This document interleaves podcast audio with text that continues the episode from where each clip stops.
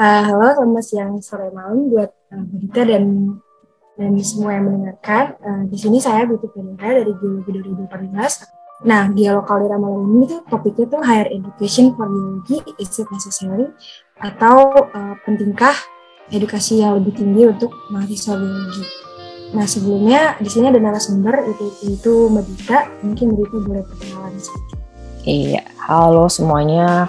Uh, mungkin bagi yang belum pernah kenal atau ketemu, uh, kenalin nama saya uh, Diah Nindita Sahdarani, uh, biasa dipanggil Dita, um, kadang sama teman-teman dipanggil Mbak Dita atau Bu Dita. Uh, saya adalah dosen geologi, saya udah ngajar di Geologi UI dari tahun 2017 dan saat ini uh, saya sedang melanjutkan studi S3 saya. Jadi kemungkinan kita nggak akan bisa ketemu in person ya karena saya lagi nggak di Indonesia begitu. Wah keren tuh Mbak S3. Kalau boleh tahu S3-nya di mana? Aku kayak pernah dengar tapi lupa-lupa di mana.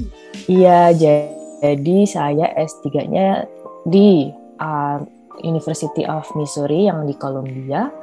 Uh, majornya ngambil Geological Science. Nanti mudah-mudahan risetnya akan uh, berkisar uh, di topik geokimia gitu. Hmm. Oh. Oh ya sebelumnya boleh nanya profil singkatnya berita dulu kali misalnya S1-nya di mana dulu, S1-nya di mana? Iya, um, S1 saya dulu uh, di Kimia ITB Institut Teknologi Bandung lulus tahun 2013. Kemudian saya melanjutkan S2 saya di University of Auckland ngambil uh, Master of Energy, tapi spesi spesialisasi dan spesifikasinya di Geothermal Energy Technology, lulus tahun 2017. Kemudian saat ini ya saya sedang melanjutkan S3 saya di University of Missouri Columbia dan mengambil major Geological Science. Oh, jadi berarti habis S2 waktu itu lanjut ngajar jadi dosen gitu ya, Mbak? Uh, iya, jadi lulus tuh Mei, uh, terus ngajar itu mulai di semester gasal, jadi uh, Agustus September ya. Jadi langsung jadi dosen hmm. sih waktu itu. Uh -uh. Dan buat langsung buat. oh kalau buat tahu uh, waktu itu alasannya buat milih lanjut S2 di University of Missouri jurusan Master itu di Master Energy itu apa ya? Kenapa maksudnya kalau di, kan kok tiba-tiba mau jadi geologi? Di lanjut S2-nya berarti ya? yang di iya. Auckland ya. Hmm. Uh, iya jadi kalau uh, itu hasil ini sih hasil kontemplasi sih sebenarnya. Jadi waktu um, setelah S1 gitu kan saya emang punya minat tertarik di bidang energi atau renewable energy.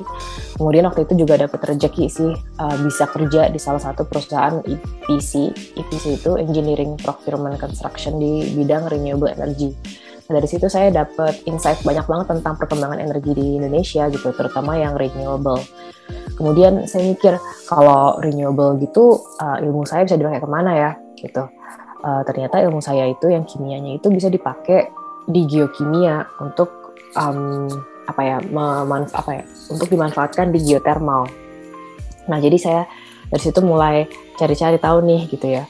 Uh, apa ya sekolah geothermal yang bagus gitu ya pilihannya kalau nggak di ITB di New Zealand di di Iceland gitu tapi juga waktu itu um, saya punya om saya punya paman yang dia memang lulusan geothermal di Auckland juga gitu ya. Jadi sebetulnya itu salah satu jadi inspirasi juga sih kayak oh iya ya bisa uh, jadi tahu tentang geothermal gitu kan kita orang dunia kan jadi kayak apa ya? Gitu oh ya itu geothermal dari situlah uh, ya udah saya pikir cobain daftar aja dulu gitu kan. Kita nggak tahu juga soal aku daftar cocok nggak sih uh, background education kita dengan dengan program master yang dibuka sama uh, University of Auckland. Gitu ceritanya. Itu nah waktu itu uh, S2-nya itu berarti beasiswa atau gimana tuh cara daftar di pas S2 iya akhirnya jadi waktu saya milih kamp daftar kampus saya main daftar aja gitu.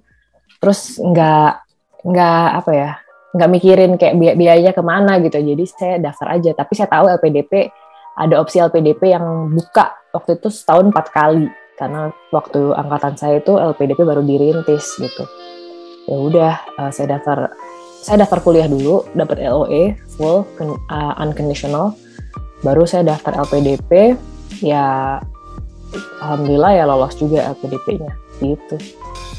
Oh berarti kalau waktu itu mereka daftar kuliah tapi LDP-nya nggak terima, berarti jatuhnya nggak bisa ya biaya sendiri gitu ya?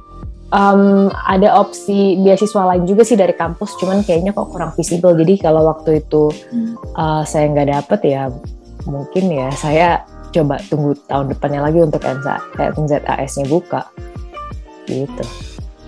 Mm -mm. Kuliah di S2 di luar negeri itu agak susah-susah gampang atau susah-susah susah? Yang saya dapat dari situ adalah kayak harus planning dengan baik secara waktu sih gitu. Ya karena waktu saya mau berangkat S3 ini aja, setelah saya hitung-hitung lagi persiapan saya itu dua tahun. Sampai saya bisa akhirnya nginjek kaki di pesawat terus berangkat terbang itu persiapan kurang lebih dua tahun gitu jadi uh, kita kayak susah sih untuk bisa mikir gini kayak oh yaudah deh saya mau berangkat tahun depan sekolah ya kalau kita bisa bayar sendiri nggak apa-apa kali ya tapi kalau kita mau yang keluar negeri pakai beasiswa ya dan lain-lain gitu ya pokoknya pakai sponsor gitu ya itu kita harus perhitungkan matang-matang lah um, time frame-nya gitu. Hmm dulu tuh pas S2 Mbak Dita kan apply beasiswa itu ya data-data yang perlu disiapin tuh apa aja ya kurang lebih kayak atau sebelumnya harus punya paper dulu kah buat itu supaya nanti di dari dari universitasnya atau gimana? Hmm, nah itu tergantung pokoknya kalau kayak gitu kita harus baca requirementnya dulu sih uh, tiap hmm. beasiswa beda-beda gitu ya um, waktu saya apply S3, um, saya kan S3 juga beasiswa dari Fulbright. Nah itu diminta sample writing, tapi bukan harus ada publikasi ya, sample writing aja gitu dalam bahasa Inggris. Tapi kalau waktu itu LPDP nggak diminta sample writing gitu, dia disantai aja. Saya rasa sih kalau S2 itu relatif lebih lenient ya, lebih ringan persyaratannya kayak yang penting punya CV yang bagus dan punya pengalaman kerja misalnya dibandingin kalau S3 karena kalau S3 itu kan harus sudah fokus ke riset. Jadi pengalaman riset itu akan lebih dibutuhkan. Tapi kalau S, mau S2 aja um, kayaknya yang dilihat itu adalah yang motivasi, terus pengen studi apa dan uh, apa ya? punya track record CV yang baik, yang cocok dengan program studi yang mau di-apply. Gitu. Kalau tadi Mbak Dita kan Mbak Dita sempat kerja dulu kan, baru S2 Nah kalau misalnya ada nih mahasiswa yang mau S1 mau langsung lanjut S2 tanpa ada pengalaman kerja dulu, itu kira-kira memungkinkan nggak? Mungkin um, teman-teman saya banyak yang kayak gitu. Uh, mana dia fast track juga, jadi langsung S1, uh, langsung S2 gitu kan. Kalau di kampus saya dulu ada fast track. Um, sebenarnya nggak masalah sih kamu langsung kerja juga gitu. Pada akhirnya waktu kita turun ke dunia kerja ya anggaplah kita blank canvas aja kita dari nol mulainya gitu. Ya mungkin kalau S2 ya kita punya pengalaman sekolah yang lebih uh, lebih lebih banyak aja dibandingin yang belum S2 gitu sih. Jadi sebenarnya mau uh, langsung S2 atau enggak terserah. Tapi balik lagi kan masing-masing orang punya planning dalam hidupnya gitu kan. Masih punya planning dalam hidupnya gitu. Apakah dia mau kerja dulu atau mau sekolah dulu? Karena untuk nyari sekolah dan yang dan untuk nyari kerja itu sama-sama butuh waktu makan waktu. Gitu. Jadi ya pada akhirnya kembali lagi sih ke orangnya dan kalau kita masuk kerja ya itu kita jadi blank canvas aja sebenarnya. Jadi tidak tidak masalah sebenarnya. Gitu uh, berarti setelah menjalani S2 ini mbak uh, yang dirasa beda dari pas S1 sama S2 ini apa sih mbak kayak kan mbak udah menjalani S2 nih. Bedanya apa? Uh. lingkungannya atau uh, kuliah hmm yang pasti saya kontras banget karena kan kalau tadi kita dengar kan um, saya backgroundnya kimia kan. Terus saya jadi hmm. indah saya banting setir jadi ke geothermal geologi gitu kan. Itu udah pasti beda banget gitu. Secara ilmuwan secara pola berpikir gitu ya. Uh, jadi itu yang pertama itu yang paling besar yang saya rasakan perubahannya gitu. Jadi mikir yang tadi jadi chemist jadi geologist geoscientist gitu. Um, yang lain sih kalau soal karakter cara berpikir itu udah pasti berubah. Tapi itu kan seiring dengan kita bertambah umur ya pasti kita berubah lah ya. Uh, mungkin makin dewasa makin bijaksana gitu. Ya itu ya itu nggak usah sekolah juga ya harusnya seperti itu gitu tapi yang paling besar saya rasakan adalah ya keilmuannya ya gitu karena saya banting setir itu tadi gitu sih kira-kira. Berarti waktu itu belajar geologi dari awal banget kan, pas mau masuk S2 ini? Dari awal dan uh, dalam waktu yang sesingkat-singkatnya.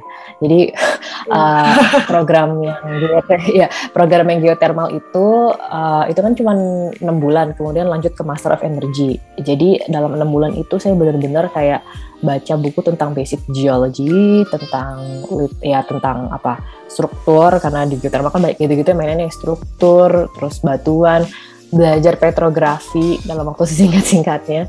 Um, ya lumayan sih. Tapi kan saya ada satu setengah tahun lagi ya untuk belajar. Maksudnya kayak untuk belajar aja gitu. Tapi ya ya belajar dari nol lagi sih waktu itu. Tapi top down.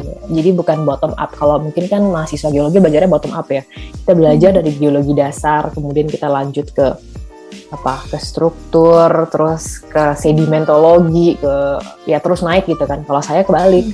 Jadi saya belajar uh, apa yang dibutuhin itu saya belajar ke bawah saya belajar ke top down saya belajarnya. Gitu jadi lihat yang gede dulu baru ke kecil lihat yang hal yang kecil. Berarti kalau belajar top down gitu lebih susah atau lebih mudah tuh pas um, tricky sih uh, bukan nggak susah karena kita langsung kena dapat contoh kan. Uh, langsung melihat hmm. contohnya kayak di daerah geothermal ini uh, apa ini sesar naik gitu. Oh ini sesar naik tuh kayak gini di lapangan kayak gini gitu. Jadi nggak perlu tahu sesar naik itu apa dulu baru ngebayangin uh, bendanya seperti apa. Jadi saya lihat barangnya dulu baru tahu oh ini teorinya gini gitu. Tapi jadi sedikit picky ya, apa bukan picky, selektif pembelajarannya. Jadi itu adalah tanggung jawab saya untuk belajar yang lebih lengkap. Karena kalau di geothermal kan uh, it, apa ya limited kan, ya misalnya nggak semua dibahas gitu. Tapi saya tetap harus tahu yang lain-lain juga kan, apa teori-teori yang lain, terus observasi yang lain gitu. Jadi saya um, harus memastikan bahwa saya ngertinya itu lengkap, nggak cuma secuplik-secuplik. Itu yang itu yang susah, itu yang susah. Jadi yang sulit itu Mbak ngerti dari yang susah dulu baru ke yang gampang dulu ya kata ngelihat itunya, ngelihat singkapannya misalnya baru tahu gitu ya. Iya, jadi kayak ini singkapan loh, terus ini gini cara deskripsi singkapannya, bla bla bla bla gitu. Bukan kayak kita di kelas dulu kan. Jadi ini ada singkapan, nanti kamu deskripsi A B C D E gitu kan. Nah kalau saya langsung di ini singkapan deskripsi, wah apa? gitu. Iya susah juga ya, ya iya, makanya kayak ya gitulah itu yang saya uh, alamin waktu S2 di awal-awal itu. Hmm. Juga boleh dicoba tuh berarti pas S2 keluar gitu ya. Kalau S2 yang pindah haluan sih. Kalau kalian udah S1 di geologi mau ambil S2 yang geoscience lagi sih kayaknya ya udah ada dasarnya sih nggak jangan dicoba eh, bukan jangan coba ya janganlah udahlah fokus ke studi kalian aja gitu Nah, berarti menurut Mbak Dita tuh tadi S2 dulu atau karir dulu tuh berarti depends on orang gitu ya, tergantung orang mau mana dulu. Benar, benar. Hmm.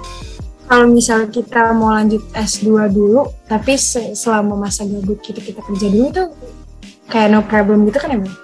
Nggak apa-apa sih. Uh, Iya kerja itu kan sebetulnya kan cara mengisi waktu yang positif ya gitu ya. Dan hmm dan kita tuh belajar sesuatu kan dari bekerja gitu kan. Ya entah kita hmm. belajar uh, ilmu baru kalau kerjaan kita nggak sesuai dengan background kita gitu atau kita belajar tentang manajemen kita belajar tentang alur organisasi bagaimana berinteraksi sama orang. Jadi kalaupun kita kerja sorry kerja dulu walaupun waktunya singkat saya rasa itu kayak bukan hal yang buruk juga gitu. Karena kita tetap belajar sesuatu soft skill yang mungkin kita nggak dapet mungkin nggak kita dapat secara maksimal kalau kita langsung S2 gitu. Hmm. Berarti kalau misal S2 tuh berat katanya kita jadi mahasiswa ulang lagi kan ya sama aja kan kalau misal kita belajar pas lagi S1 gitu. Maksudnya uh, itunya apa ya Hmm, plannya ya, gitu. Apa ya? Plan ya? Lingkungannya. Lingkungannya. Iya pokoknya sama aja belajar gitu kan. Iya attitude ya attitude sebagai mahasiswa aja sih gitu ya. Uh, hmm. apa kadang tuh gini kadang kalau kita S2 kita kan udah lulus S1 kita ngerasa kayak oh ya gue tahu nih semua tentang ini gitu ngapain sih gue belajar kayak ginian? Nah itu yang mindset mindset kayak gitu tuh yang harusnya tuh nggak boleh gitu. Jadi kayak kita dari nol lagi juga gitu. Anggap aja kita gelas kosong gitu gelas kosong gitu. Jadi kita tuh bisa memaksimalkan ilmu yang kita dapat gitu. Jadi kita nggak ah nggak ah main katanya pak ini enggak tuh waktu belajar ini gitu. Enggak kita terima aja gitu. Jadi layaknya maba lah kayak waktu kita masuk kalian masuk S1 gitu kan kayak gak tau apa-apa nih gitu kan. Aduh belajar apa ya? Dari nol gitu geodas dulu apa dulu geodin dulu. Ya udah kayak gitu. Kayak gitu lagi mindsetnya. Karena namanya juga mahasiswa ya kita di situ untuk belajar. Kita, jadi kalau misalnya kita dapat ilmu pas S1 dulu terus misalnya ilmunya berbeda pas kita dapat pas nanti S2 itu boleh dimasukin terus nanti ditimbang-timbang yang mana yang kira-kira yang benar iya. gitu. uh, pada akhirnya itu mungkin kenapa ya kalau studi yang lebih tinggi itu orang jadi banyak berkontemplasi gitu kayak wah dulu diajarinnya gini kok sekarang kayak gini ya? Ini apa ya? Jadi nah itulah di mana uh, kapasitas berpikir kita yang ditingkatkan jadi jadi meningkat karena itu gitu. Karena kita banyak berkontemplasi banyak berpikir banyak merenung. Oh iya dulu gini tapi sekarang gini. Kenapa? Apa yang berubah? Gitu. Nah itu kan itu yang itu yang meningkatkan kapasitas berpikir kita. Higher higher order of thinking. Gitu deh nah dari tadi kan kita bicara tentang higher education mbak. Menurut mbak Dita sendiri higher education itu penting nggak sih buat prospek ke karir kita ke depannya gitu? Misalnya atau apakah sama nanti kita misalnya pekerja pas kita satu dua apa pekerjaan kita dapetnya sama kayak misalnya nanti kita S2 juga gitu? Nah um, kembali lagi ke pribadi masing-masing. Kalau buat saya itu penting. Hmm. tapi kan yang saya rasakan nggak tentu bisa dipaksain ke orang lain jadi benar-benar dengan tergantung dengan apa yang ya yang dibutuhin orang lain gitu. Jadi misalnya kayak ada yang kayak nggak udah cukup S1 aja habis itu mau kerja sampai tua gitu. Nah, udah nggak apa-apa. Kalau emang itu ternyata dia bisa excel di karirnya gitu ya. Uh, dan cukup dengan S1-nya ya udah nggak apa-apa. Tapi kalau saya memang uh, punya bucket list tersendiri gitu. Sebenarnya S3 saya ini termasuk bucket list yang pengen saya kerjain aja. Jadi nggak semua nggak sebenarnya ya, harusnya kan S3 tuh susah gitu kan dan nggak semua orang tuh kayak bisa menjalankan S3 tapi kalau saya punya keinginan dari diri saya sendiri untuk melakukan S3 untuk ngambil S3 jadi uh, makanya higher education itu um, balik lagi ke pribadinya masing-masing. Tapi kalau buat saya itu penting buat karir saya gitu. Karena ya ya saya dosen gitu kan. Saya dituntut untuk belajar apa ya belajar seumur hidup gitu ya. Dan nanti akan ngajarin junior-junior juga kan. Jadi kayak ya itu buat saya penting gitu. Tapi belum tentu untuk yang yang kayak emang ya udah nggak nggak mau melanjutkan studinya. Itu deh. Oh, berarti itu dari dulu dream job Marika tuh jadi dosen ya mbak? Jadi kayak mau pas lanjut S3 nanti jadi dosen lagi gitu? Sebenarnya enggak sih waktu S1 saya nggak uh, saya nggak punya dream job sama sekali. Uh, saya saya waktu itu nggak mau kerja di lab. Itu dream job saya. Nggak tahu ya kayak bukan kerja di lab yang saya suka nge-lab tapi saya nggak mau kerja sebagai analis di lab gitu. Jadi kayak aduh nggak nggak deh kayaknya nggak serak-serak ya gitu cari kerjaannya. Terus uh, baru tahu pengen ngapain tuh abis lulus S2 kayak oh kayaknya jadi dosen oke okay nih. Kayak ini panggilan gitu. Kayak jadi baru ngerasa itu panggilan. Tapi itu pun juga kayak uh, apakah ini panggilan yang benar atau enggak gitu. Makanya waktu awal ngajar itu um, ya saya saya saya pikir gini ke diri saya kayak ya udah cobain dulu aja satu semester kalau cocok ya udah lanjut kalau enggak ya oke okay, berarti memang harus mencari yang lain gitu ya ternyata yang saya kontemplasikan selama S2 setelah S2 itu ternyata cocok makanya ya sampai sekarang saya masih di biologi UI lah gitu. Jadi nanti lulus juga masih balik ke GUI ini? Iya, saya masih akan harus balik karena satu tuntutan kontrak dari beasiswa dan kedua tuntutan oh. peraturan dari negara kan saya PNS jadi saya harus balik gitu. Tapi regatus pasti saya akan balik kok. Hmm. Gitu. Nah kalau misalnya pesan dari kita sendiri buat mahasiswa yang masih bingung nih, kita pilih S2 dulu atau langsung kerja itu apa nih? Pesan yang nih? Um, ya intinya sih uh, kalau kalau kalau ditanya saya sebenarnya santai aja. Lihat mana yang datang duluan sih. Tapi tidak ada salahnya jika kita um, dari sejak kuliah itu mencari tahu kalau kerja itu kayak gimana. Maksudnya kayak uh, alur alur dapat kerja dari sampai dan dari kita wawancara apa ngirim CV sampai um, dapat kerja dan actually kerja itu berapa lama.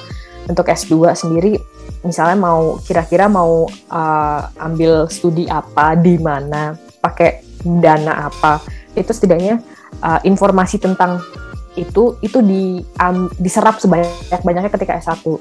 Nah, nanti mungkin pas udah tingkat akhir barulah dipikir uh, oke okay, kayaknya gue mau sekolah dulu. Ya udah gue sekolah. Oh, ya udah gue mau kerja dulu gitu. karena rasanya butuh kerja dulu. Jadi um, intinya untuk sekarang kalau masih S1 ambil informasi sebanyak-banyaknya untuk nanti kalian putuskan di ada momen dalam hidup kalian nanti ketika kalian merasa enggak lah gue kerja dulu atau enggak lah gue sekolah dulu. Itu yang penting informasinya udah di udah disiapin dulu gitu. Berarti itu balik lagi ke orang yang masing-masing lagi. Mm -mm, mm -mm. Oh ya kalau boleh tahu S2 tuh berapa lama? S2, S2 itu kemarin saya satu setengah tahun. Satu setengah tahun, cukup juga ya.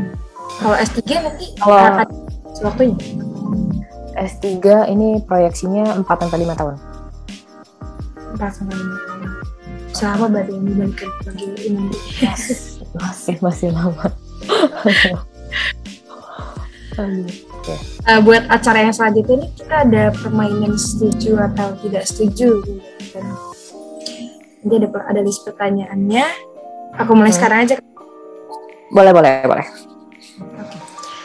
Uh, jadi gini, uh, S2 atau S3 kurang cocok untuk seseorang yang ingin terjun ke dunia indus- industri. Enggak setuju. Enggak setuju. Oke. Cocok aja. Jika, jika ingin S2 atau S3 di luar negeri harus memakan biaya yang cukup tinggi. Buat saya iya. Setuju. Tapi itu balik lagi ke beasiswa aja kan. Kalau misalnya dapet berarti aman kan, nggak nggak nguras kantong. Tapi gini, um, untuk kita bisa dapat beasiswa kita harus siapin apa? Kita harus siapin TOEFL atau IELTS. Nah, um, itu ada biaya sendiri kan dan again relatif beda-beda. Kalau kita punya tabungan sekitar 100 juta kita bayar IELTS, 3 juta kayak ya udah nggak apa-apa kan kayak hilang 3 juta. Tapi kalau kita nggak punya tabungan kita harus bayar 3 juta mahal kan? Sih. jadi uh, jadi untuk persiapan beasiswa pun kita harus punya modal si TOEFL IELTS itu yang kisaran 3 juta. Jadi kayak waktu saya dalam posisi waktu masih kerja awal-awal dulu tuh yang mau S2 itu jadi relatif mahal. Karena jadi saya harus nabung memastikan saya cukup uang untuk untuk bayar IELTS. Dan juga buat bayar medical check up itu biasanya nggak di cover sama beasiswa. Jadi intinya tetap butuh biaya. ya, tetap butuh biaya. Kita nggak bisa tutup mata dan bilang kayak gratis gitu nggak tetap butuh biaya Yang selanjutnya itu adalah S2 atau S3 di luar negeri akan memberikan pengalaman baru yang mungkin tidak didapatkan saat kuliah dalam negeri. ya setuju Kira-kira apa nih pengalaman barunya? Mas, Uh, kalau dari segi belajar, ya standar akan mahasiswa pasti belajar gitu ya. Kalau networking, pasti di Indonesia juga pasti kalian akan networking. Tapi mungkin lebih ke bahasa dan survivalnya aja. Karena kita kayak dilempar ke ke lingkungan baru yang kita nggak punya siapa-siapa di sekitar kita dan kita harus survive di situ. Jadi kayak kalau kita ke luar negeri itu kita double survival mode on gitu kayak gimana gue harus lulus kuliah tapi gimana gue juga nggak boleh mati kayak mati kelaparan mati sendirian gitu di negara orang jadi tuntutannya lebih berat gitu sih. Tergantung ngejalaninnya gimana tapi ada challenge itu yang mungkin nggak didapat kalau kita cuman di dalam negeri. Kayak oh udah deh mau mau kuliah lagi di UGM ya kan? Udah tahu Jogja kayak gimana gitu kan kira-kira ya. Hmm. uh, ngomong-ngomong pakai bahasa Indonesia gitu kan. Kalau transaksi pakai rupiah kalau ada apa-apa warga masih bisa ditelepon gitu. kalau di luar negeri kan kayak kita nggak bisa semudah itu Berarti uh, kita dapat masukan insight baru tentang culture mereka juga kali ini. betul betul betul betul banget itu juga beda Hmm. kultur tuh pengaruh beberapa um, teman-teman saya yang pindah ke luar negeri itu mereka cerita mereka tuh nggak bisa makan karena makanannya nggak cocok Wah, Iya, jadi kayak "Ah, iya nih berat gue turun sampai 10 kilo. Lah kenapa kan di di Amerika banyak daging gitu kan, tapi nggak suka, suka cah kangkung. ya masak sendiri dong di sana. Harus masak sendiri, terus kayak cah kangkung kan tidak semudah beli. Ya kalau kita kan misalnya ke supermarket, kangkung tinggal ambil. Kalau ini kan kayak kangkung harus ambil di Asian groceries, yang mana mungkin Asian groceries-nya jauh gitu. Ya kayak gitu-gitu.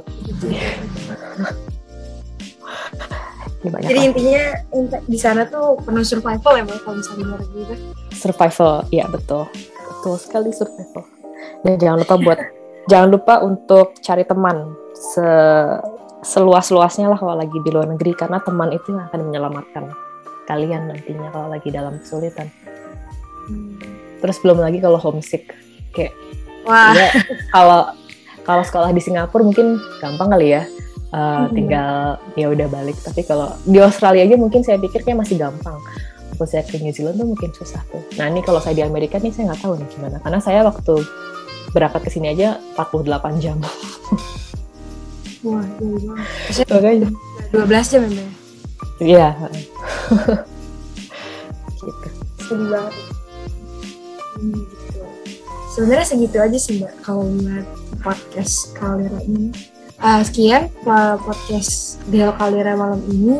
Terima kasih buat semua yang mendengarkan. Selamat pagi siang malam. Dadah semuanya terima kasih